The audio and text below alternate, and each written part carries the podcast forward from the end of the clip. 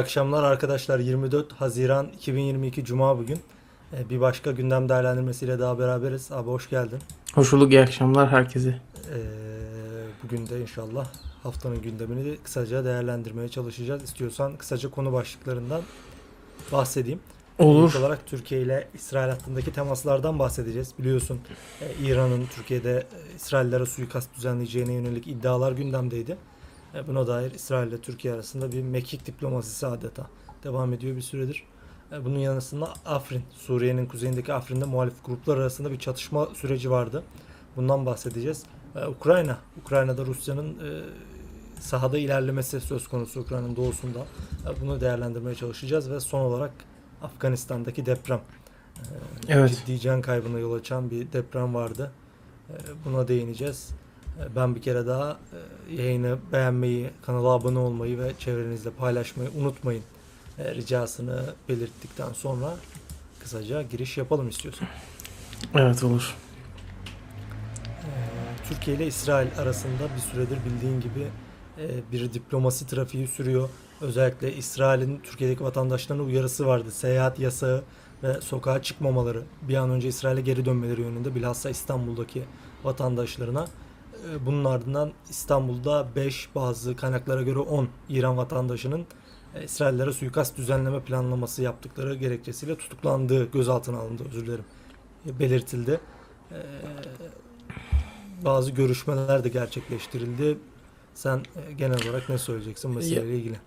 Evet Türkiye bir süredir e, sadece İsrail değil biliyorsun işte Suudi Arabistan, Mısır, e, Birleşik Arap Emirlikleri gibi daha önceden sorunlu ilişkilere sahip olduğu ülkelerle e, daha ilişkileri normalleştirmeye, daha böyle dostane ilişkiler takınmaya, ilişki düzeyini bu boyuta çekmeye yönelik hamleleri var Türkiye'nin. E, Bu bağlamda en yakını bunlardan işte Suudi Arabistan e, Veliaht Prensi Muhammed Bin Selman geçtiğimiz gün Türkiye'ye geldi. Çarşamba günüydü yanlış hatırlamıyorsam. Türkiye'de Cumhurbaşkanı Erdoğan tarafından karşılandı ve Cumhurbaşkanı Erdoğan tarafından uğurlandı biliyorsun. Uğurlanma görüntülerini Türk medyası servis etmedi. Suudi Arabistan e, devlet ajansı servis etmişti, haber ajansı servis etmişti. Oradan gördük. E, uğurlanma olayı ayrıca enteresandı zaten. Tabi Suudi Arabistan ziyaretini Muhammed Bin Selman'ın ziyaretinin ayrı bir önemi vardı. Çünkü biliyorsun Cemal Kaşıkçı'nın burada Suudi Arabistan konsolosluğunda öldürülmesi sonrasında işte Cumhurbaşkanı Erdoğan iktidar yani iktidarın geneli ve medyası çok sert ithamlarda bulunmuşlardı e, Muhammed Bin Selman özelinde Suudi rejimine. O yüzden e, Muhammed Bin Selman'ın ziyareti ayrıca bir önemliydi. E, ve ziyarete baktığında e, Türkiye ile Suudi Arabistan arasında e, birçok konuda işte anlaşmaların yapıldığı e, bu konu zaten uzun bir metin de yayınlandı e, an detaylarıyla ilgili olarak. Bunlar bunlar servis edildi. E, bundan sonra da herhalde en fazla dikkat çeken e, e, İsrail Dışişleri Bakanı'nın e, Türkiye'ye gelmiş olmasıydı. Bak bu çok önemli çünkü biliyorsun İsrail'de e, şu anda bir hükümet krizi yaşanıyor.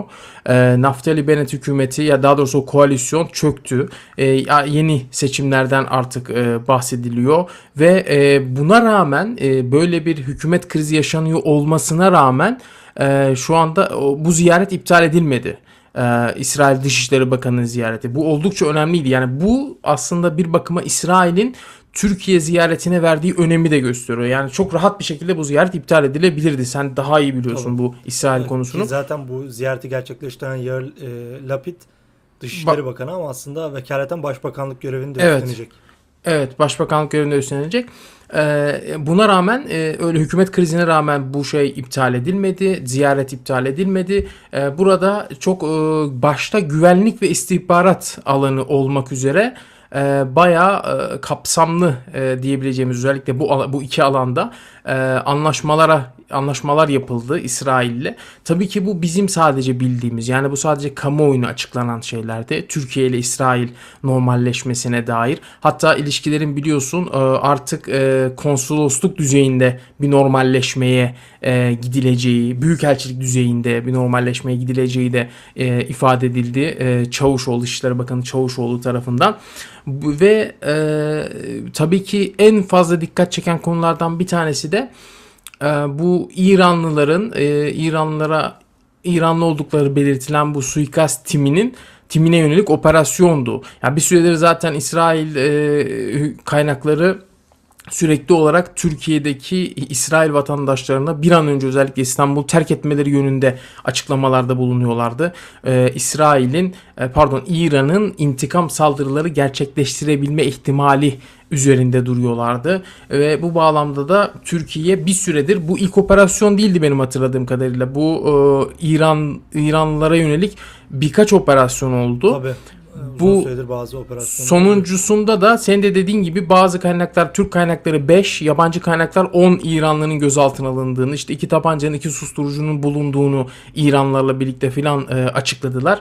E, tabii ki bu dediğim gibi kamuoyuna açıklanan bilgiler. İran tarafı bunları yalanlıyor. Bu iddiaları Dışişleri Bakanlığı'nın bir açıklaması oldu sözcünün. Bu ilanları ilan e, şeyleri haberleri e, Evet, haberler gülünç absürt olarak dedi. absürt Gülünç olarak, dedi, absürt gülünç olarak. olarak niteledi.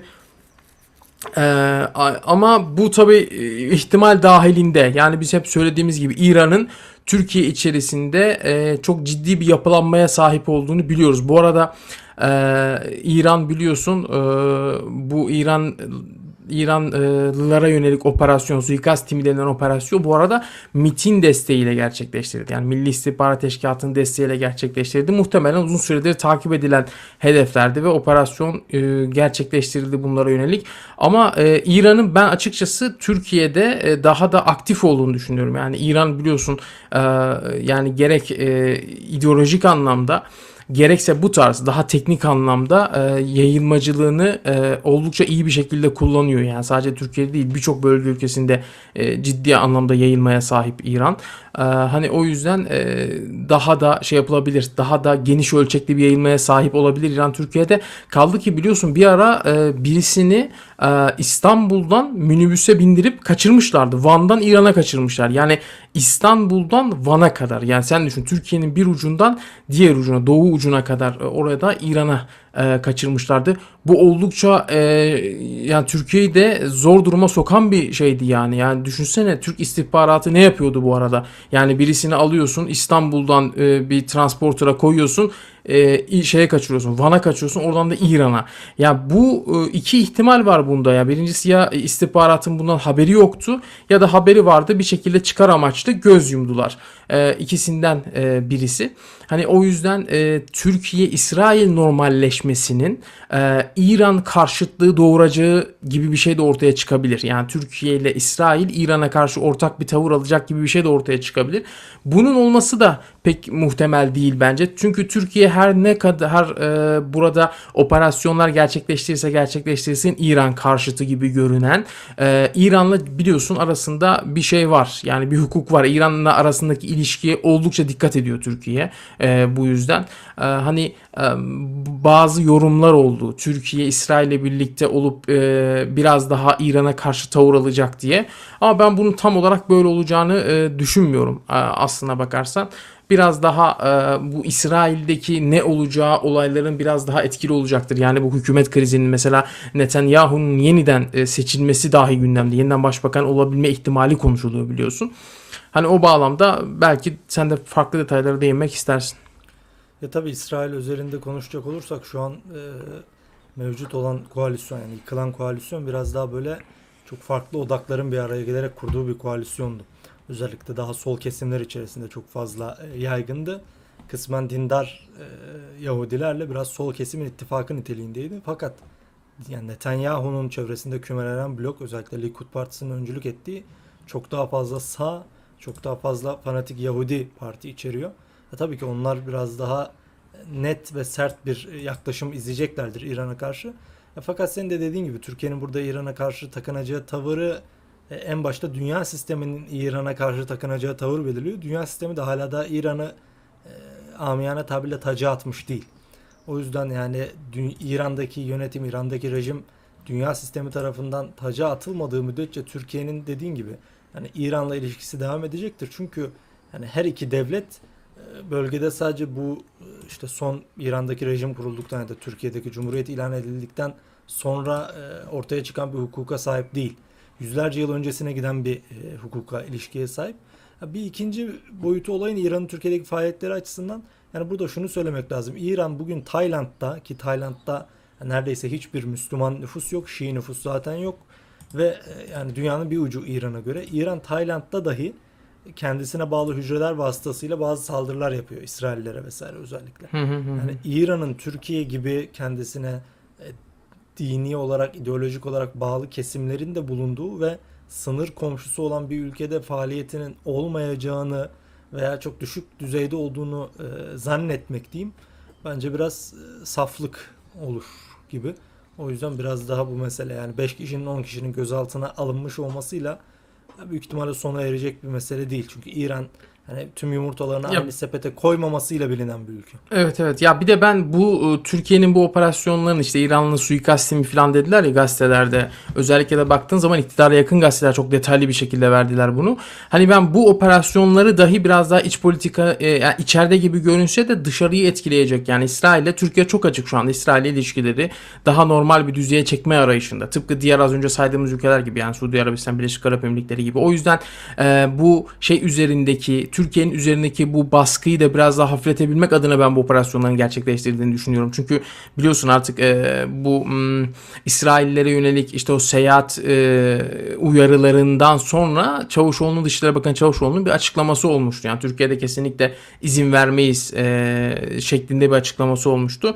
E, onunla birlikte yani bu şeylerin de e, bu operasyonların da e, yani stabilin dışında e, yani olağanüstü gelişen e, yapılması gereken bir hamle olarak görüldüğünü Türkiye tarafından düşünüyorum. Yani biraz daha bu seyahat baskısını bu İsraillilere yönelik olabilecek suikastlerin e, böyle bir şey olmayacağını e, işte Türkiye'de böyle tehditlerin yaşanamayacağını falan göstermek adına biraz da ben bu operasyonu gerçekleştirdiğini düşünüyorum. Çünkü bu operasyon gerçekleştirilen o suikast timi olarak adlandırılan grup kimi rivayetlere göre 5 kimisine göre 10 kişi.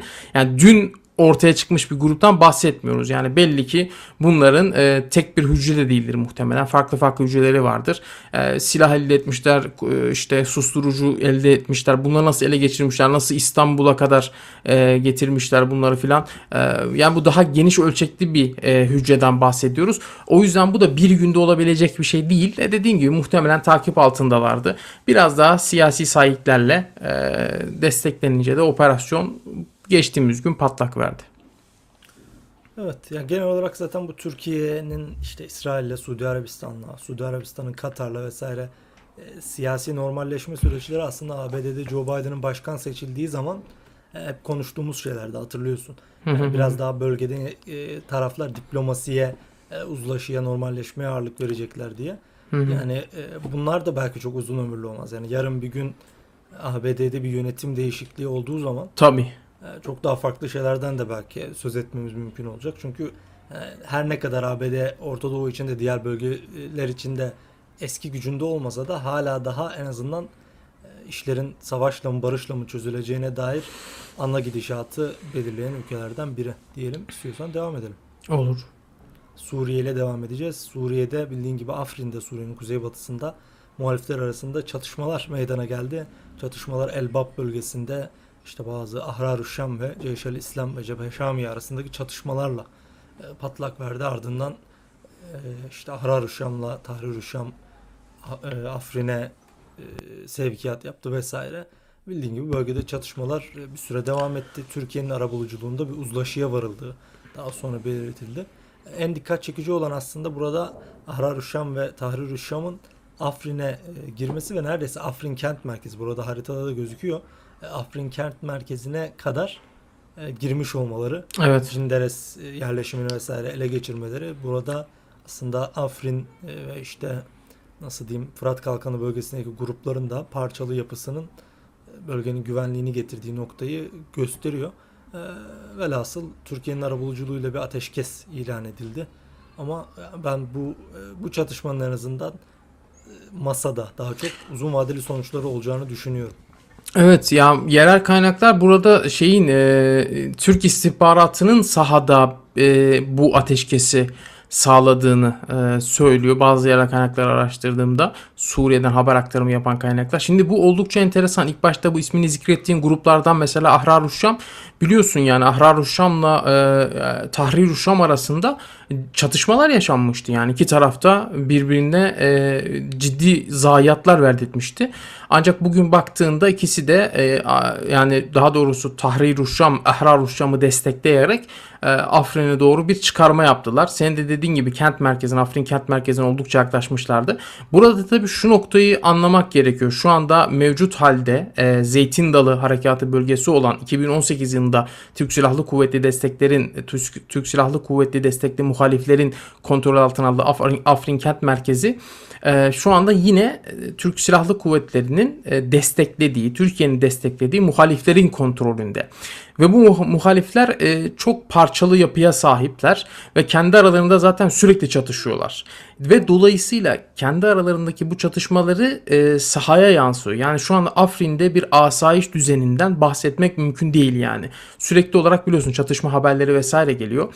Bu yönden bakıldığında Tahrir Şam'ın tıpkı İdlib'dekine benzer bir yapının yapının altyapısını, temellerini Afrin'de atabilmesi bu Türkiye için e, aslında aslına bakarsan büyük fırsat. Öyle söyleyeyim. Yani burada Türkiye'nin müsaade etmesi, Türkiye'nin göz kırpmasıyla artık nasıl olur bilmiyorum ilerleyen dönemde. E, Tahrir Şam'ın e, diğer gruplarla birlikte birleşerek Afrin'e doğru, Afrin kent merkezini de içine alacak şekilde bir ilerlemeye geçmesi mümkün.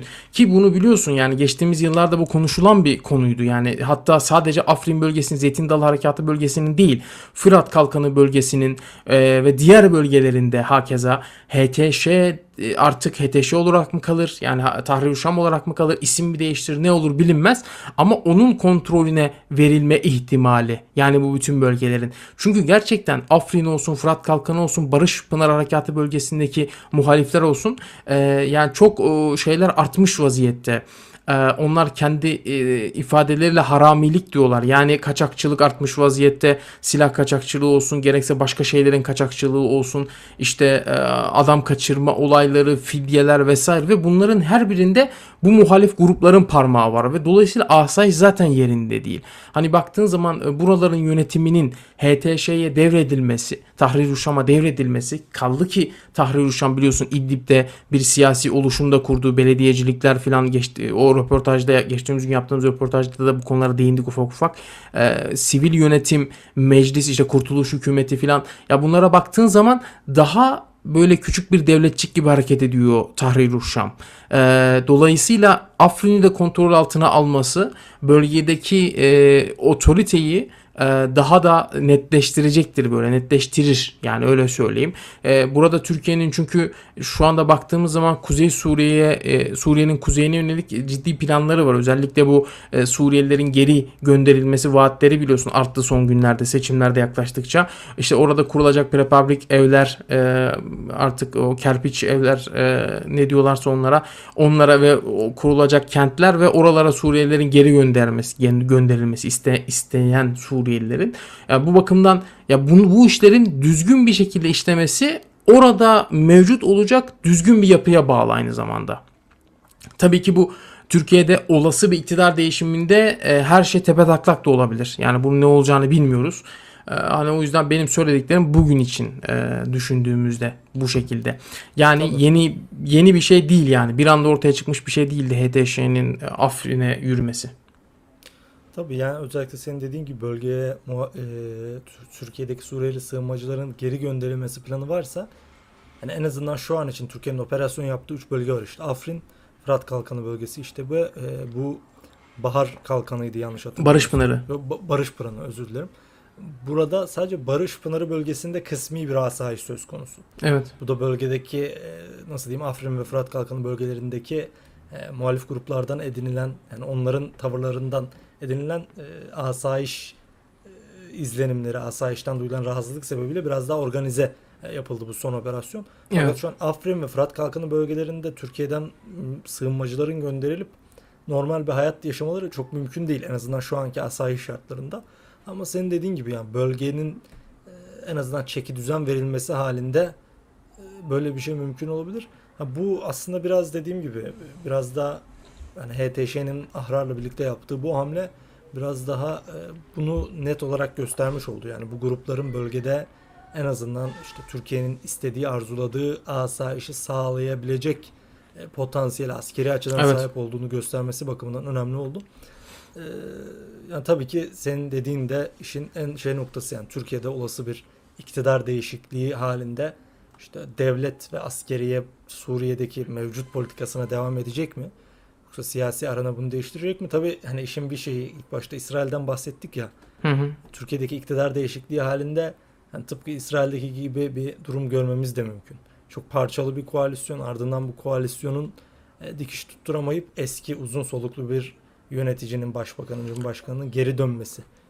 Ya- bu da tabii ki işin çok ayrı bir, Bir de- yani. Ya Türkiye'de çok değişik yani ülke olarak çok değişik. Yani e, devlet ve iktidar kavramı tamamen iç içe girmiş vaziyette. Yani mesela şunu düşünebiliyor musun? Biz burada şeyi konuşurken e, işte iktidar değişimini konuşurken Suriye politikasında değişebileceğini konuşuyoruz. Ya mesela e, bir Afganistan Ameri- Amerika Birleşik Devletleri tabii orada daha oturmuş bir devlet yapısı var. Daha yani e, eski bir tarihi olmasa da Türkiye'den daha oturmuş bir devlet yapısı var. Yani e, başkan değişince bir panik havası olmuyor. Yani bizde öyle değil yani. Bizde iktidar değiştiği zaman herkeste bir panik havası. Hatta iktidarı geçiyorum. Belediye seçimlerinde bile bu yaşanmıştı. Mesela Amerika Birleşik Devletleri'nde başkan değişiminde yani bir anda şey demediler yani Irak işgalini bir anda bitirmediler. Afganistan işgalini bir anda bitirmediler. Dış politikada özellikle askeri dış politikada yani bir U dönüşü yapmadılar. Hani ama bizde böyle değil. Yani çok keskin hatlar var Türkiye'de. Yani e, muhtemel bir e, iktidar değişiminde e, mevcut iktidar partisinin karşısında duran blokun e, şey olması durumunda, iktidar olması durumunda yani çok keskin hatlar var. Yani Suriye'den çekilme mevzusu mesela. Çok net konuşuluyor bu muhalefet partileri tarafından. Yani e, işte Libya'dan çekilme filan hani bunlar gibi şeyler çok net konuşuluyor. Dolayısıyla Türkiye'nin şu anda olası bir iktidar değişikliği Türkiye'nin şu anda izlediği dış politikanın e, tamamen zıttına yönelik. Her ne kadar son dönemde biraz daha iktidar, siyasal iktidar e, değiştirmiş olsa da biraz daha dümeni kırmış olsa da işte bu körfez ülkeleri normalleşme, işte Mısır, İsrail filan bunlar olmuş olsa normalleşme olmuş olsa da e, henüz mesela Suriye'deki hedeflerinden vazgeçmiş değil. Ama ilerleyen dönemde e, yani e, diyelim ki e, işte seçimler yaklaştı falan farklı şeyler de görebiliriz. He, yeniden mesela seçilmeleri durumunda yani iktidarın e, yeniden seçildi iktidar devam ediyor mevcut siyasal iktidar. O zaman da farklı şeyler olması mümkün ama onu da artık e, seçimlerden sonra E tabii burada değerlendiririz. mesela ABD işte Somali'den çekildi ama çekilmesine rağmen hiçbir zaman şunu demedik. ABD Somali'yi tamamen terk etmedi. Evet. Onun politikasına etki etti. Ya çok net politikaları. E tabi. Burada ama benim aklıma şey geliyor sanki ya belli bir e, ideolojisi, tabiyeti fark etmeksizin belli bir kesim var Türkiye'de. Bir şeyi görmediği zaman, bir şeyi tamam bunu böyle yaptım dediği zaman onun yok olduğunu düşünüyor. Ya ben Suriye'den çekiliyorum. Ben Suriyelileri yolluyorum. Tamam ben onu işte kağıt üzerinde yaptım bitti. Böyle bir düşünce hakim. Yani çok ciddi bir kesimde Türkiye'deki insan kesiminde.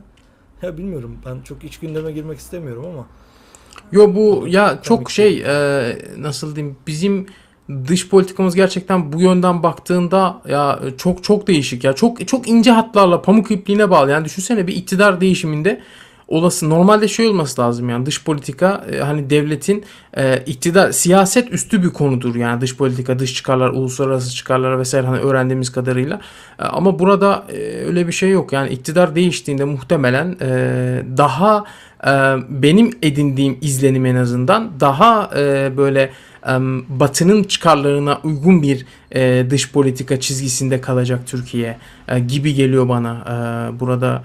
E, tabii ki ne iktidarı e, temize çıkartıyorum ne de muhalefeti. E, benim edindiğim izlenim bu yönde. Yani bu, mesela Trump ne yaptı? Somali'deki askerleri çekti.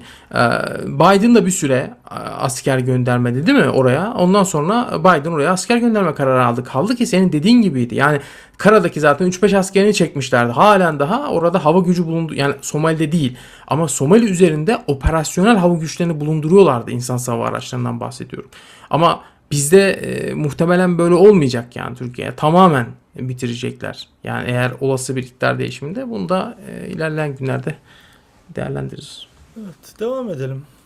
Evet. Rusya diyelim, Ukrayna diyelim. Ee, Ukrayna'da senin de bildiğin gibi çatışmalar yine bir süredir devam ediyor. Hani e, Rusya'nın ilk başta ilk etapta en azından yani şu şerhi düşmüştük tamam. İlk savaşın aşaması bitti, ikinci aşaması başlıyor. İlk aşamayı Rusya büyük ölçüde kaybetti. Fakat şu an savaşın ikinci aşaması Ukrayna'nın doğusunda devam eden aşaması için ya şunu herhalde söylemek artık eee, nasıl diyeyim güvenli olur. Bunu söylemek eee, bir sakınca doğurmaz. Yani Rusya hakikaten şu anda sahayı tamamen domine etmiş durumda. E, Doğusunu tabii. %99'una evet %99'una yakın Luhansk bölgesini ele geçirmiş durumda Rusya. E, Burada işte e, Severodonetsk'i ele geçirmek üzere, Lysychansk'a ilerlemek üzere ve burada e, yani çok sayıda Ukrayna birliğini cephe hattında kuşatıp e, tamamen teslim alıyor. Özellikle işte dediğimiz gibi bu Ukrayna'nın doğu bölgelerinde e, bir süre sonra herhalde Donetsk rehnerin tamamen doğu yakasını ele geçirip batısına doğru bu Donetsk bölgesinde Donetsk Oblast'ında elinde olmayan diğer bölgeleri kontrol etmeye yönelecek Rusya. Burada işte Rusya'nın hedefi hangi şehirler olacak? Haritada gözü- gözüken işte Slovyansk ve Kramatorsk. Özellikle burada işte Lysychansk ve Severodonetsk'i çevreden kuşatmasının ardından e, biraz daha bu bölgelere e, odaklanmasını bekliyoruz. Burada da Bahmut bölgesine. E, tabii yani şu an Ukrayna'nın ciddi bir mukavemetini ben göremiyorum. Savaşın başında e, savaş biraz daha nasıl diyorduk hibrit boyuttaydı. Evet. Yani e, Ukrayna ordusunun yürüttüğü tamam düzenli bir savaş vardı, bir gerilla savaşı vardı ama Ukrayna'nın doğusunda bu savaşı sürdürmek mümkün değil çünkü tamamen bir cephe savaşı yaşanıyor. Rusya da yani çok üstün bir şekilde bu savaşı sürdürüyor üstün silah gücüne dayanarak.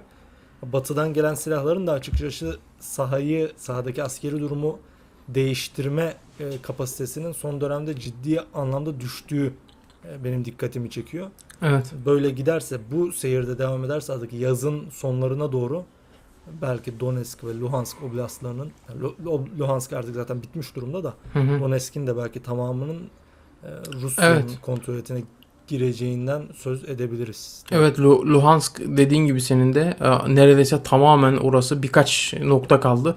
Orada da ilerleme sağlayacak muhtemelen. E, ciddi kayıplarla, ciddi zayiatlarla Ukrayna güçleri oralardan bazı yerlerden geri çekiliyor, bazı yerlerden de kuşatma altında kalıyor. İlk başlarda senin dediğin gibi Rusya bir anda işte Kiev'e, kuzeyden, Belarus'tan giriş yaptı, güneyden vesaire e, bazı yerlere girdi. Ama e, yani şey yapamam nasıl diyeyim yenildi izlenimi e, ortaya çıktı bir anda. E, yani şu anda tabii net bir şey yok ama baktığın zaman Doğu'yu e, büyük ihtimalle şey yapacaklar. Rusya Doğu'yu zaten domine etmiş durumda. E, Donbas bölgesinden bahsediyorum. Oraya da dediğin gibi e, Luhansk'tan sonra e, Donetsk bölgesini de muhtemelen ciddi bir ilerleme sağlanacak orada. E, tabii yani Ukrayna ordusunun dediğim gibi sahada böyle e, varlığı çok fazla kendisini belli etmiyor. Ya hakikaten böyle cephe savaşına döndüğü için iş gücünü kaybetmiş durumda. Bir de aklıma şu da geliyor yani Rusya'nın Kiev, Çernihiv diğer bölgelerde yaptığı savaşın başındaki saldırılar hakikaten Ukrayna ordusunun e, mukavemet kapasitesini büyük ölçüde kırmış vaziyette.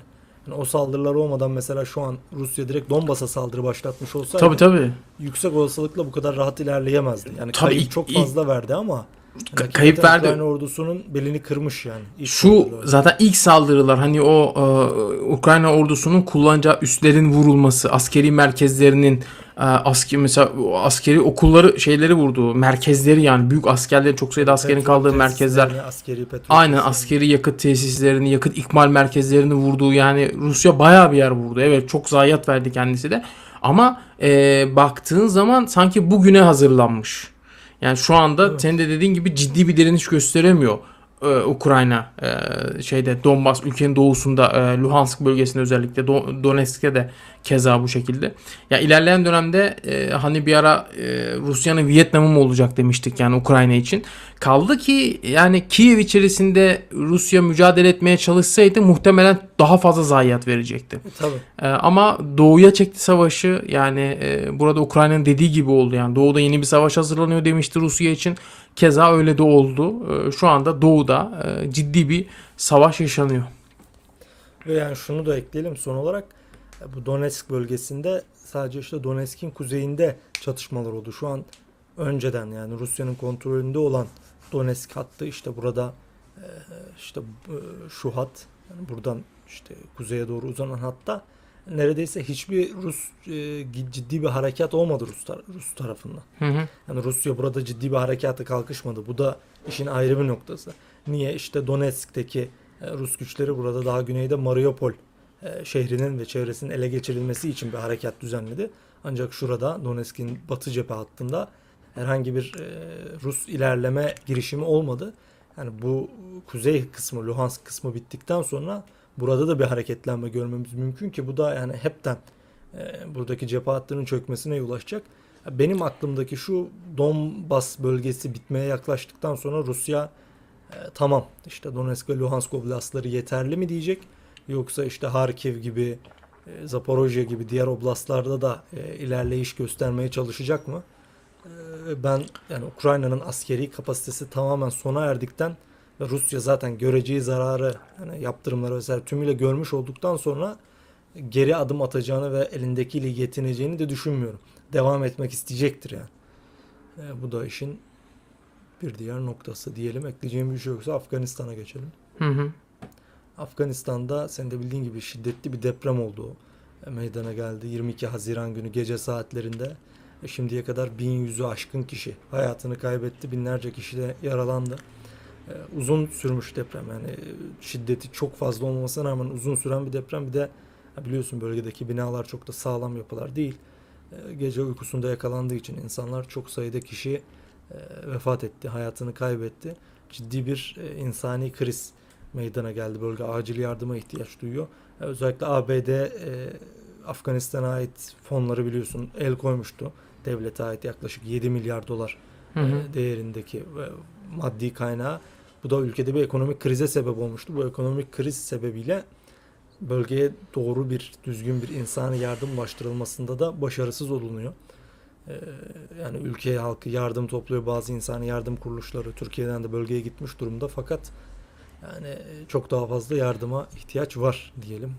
Evet sana ya bırakayım. şu anda e, bu deprem sonrası şu anda 1150 olarak geçiyor ölü sayısı ve 1500'den fazla da yaralı olduğu söyleniyor. Ya e, depremle birlikte tabii dikkatler biraz daha hep bu benim ifade ettiğim kırsal bölgelere daha çekilmiş durumda. Çünkü baktığın zaman e, Paktika, e, Host ve Paktia'yı tam böyle ortalayan bir bölgede Pakistan sınırına yakın bir bölgede gerçekleşti bu deprem ve e, tamamı yani depremin en fazla etkili bölgeler merkezlerdi ya. Merkezde de tabii şeyler var ufak tefek hissedilmiş ama geneli köyler yani bu e, elektriğin yolun olmadığı yerler. E, buralarda ciddi yani evler yıkılmış ve e, buradaki evlerde kerpiç ev olduğu için yani insanlar doğrudan toprağın altında kalıyorlar. O yüzden ulaşması da zor oluyor ve bölgede uzun süredir yağan yağmurlar vardı. Yani bu yağmurlarla birlikte yollar tamamen e, çamura bulanmıştı. Tamamen kapanmıştı. O yüzden de bugün halen daha ulaştırılan yardımların büyük bir kısmı havadan yapılan ikmallerle. Yani bugün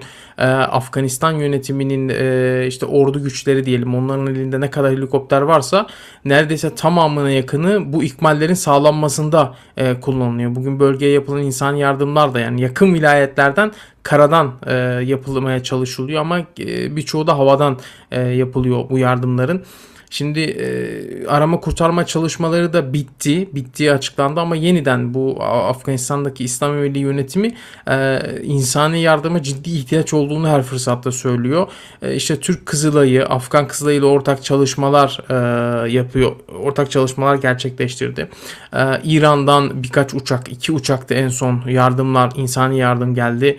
E, Birleşik Arap Emirlikleri, Hindistan onların ben yardım uçaklarını e, gördüm insani yardım taşıyan.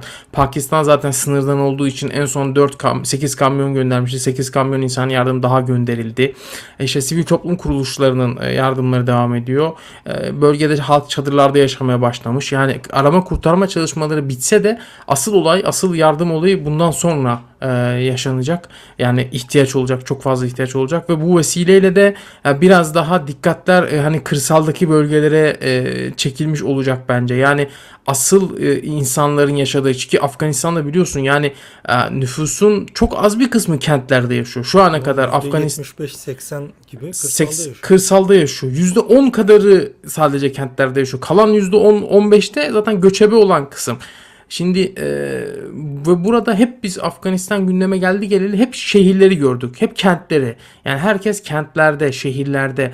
Ama burada baktığın zaman mesela şey internet yok. Yani telefon, iletişim bile çok kısıtlı. E, bu deprem meydana geldiği yerlerde. Ha biraz daha dikkatleri buraya çekmiş oldu ve ya e, düşünsene yani köyde köyde yaşanan bir depremde e, bi- 1150 kişinin ölümünden bahsediyoruz. Tabii bunda gece olması, e, uyuyor olması halkın büyük bir etken. Bu kadar ölü fazla ölü sayısının fazla olmasında bu et- etken yani. E, hani o yüzden biraz daha artık bu depremle birlikte Afganistan'ın o kırsalını işte gerçek o Afganların yaşadığı e, yerler biraz daha ortaya çıkmaya başladı. E, bu vesileyle de biraz daha o bölgeler e, gündeme gelmiş oldu. Oradaki insani krizin boyutları da her ne kadar depremle birlikte katlanmış olsa da orada biraz daha hani gerçek Afganistan'ı görmek isteyenler için biraz daha fırsat doğdu diyebiliriz. Yani çünkü dediğimiz gibi Afganistan'ın etnik yapısına bakıldığında, nüfus yapısına bakıldığında büyük kesim kırsalda yaşıyor. Yani çok büyük kesim kırsalda yaşıyor. Evet, yani bir kez daha geçmiş olsun diyelim. Bölge için insani yardıma ihtiyaç duyulduğunu ekleyelim. Evet. Benim notlarım bugünlük bu kadardı. Bu kadar benden de. Ee, arkadaşlar her hafta buradayız. Cuma günleri 21'de. Ee, haftaya bekleriz. Görüşmek üzere. İyi akşamlar herkese.